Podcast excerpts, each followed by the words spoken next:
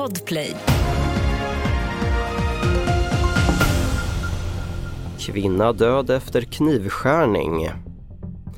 Sverige blir utan nya RS-läkemedlet.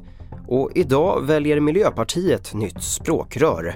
Det är rubrikerna och först till Israels krig mot Hamas där hundratals nu tar sig från Gazas största sjukhus Al-Shifa efter uppgifter om krav från Israels militär om evakuering.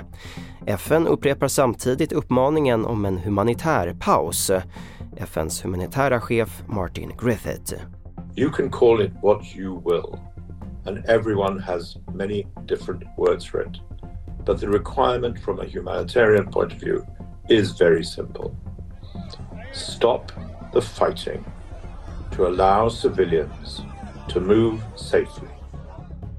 En kvinna i 60-årsåldern har dött och ytterligare en kvinna är allvarligt skadad efter en knivskärning i en bostad på Hisingen i Göteborg. Den misstänkte mannen som är i 45-årsåldern greps i bostaden och är misstänkt för mord och mordförsök. Senare idag väljs vem som blir Miljöpartiets nya språkrör tillsammans med Marta Stenevi. Där står det bland annat mellan riksdagsledamoten Daniel Heldén som är valberedningens förslag samt hans främsta utmanare Magnus P. Volin som är kommunalråd i Växjö.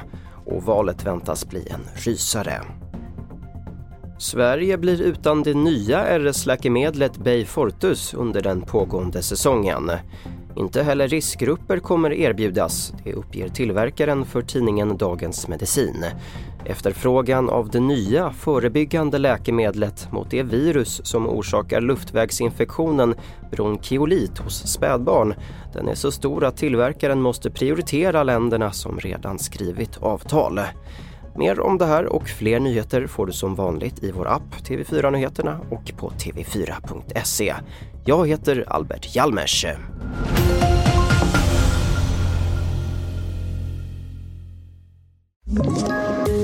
Poddtips från Podplay. I podden Något Kaiko garanterar östgötarna Brutti och jag, Davva, dig en stor dos skratt. Där följer jag pladask för köttätandet igen. Man är lite som en jävla vampyr. Man har fått lite blodsmak och då måste man ha mer. Udda spaningar, fängslande anekdoter och en och annan arg rant.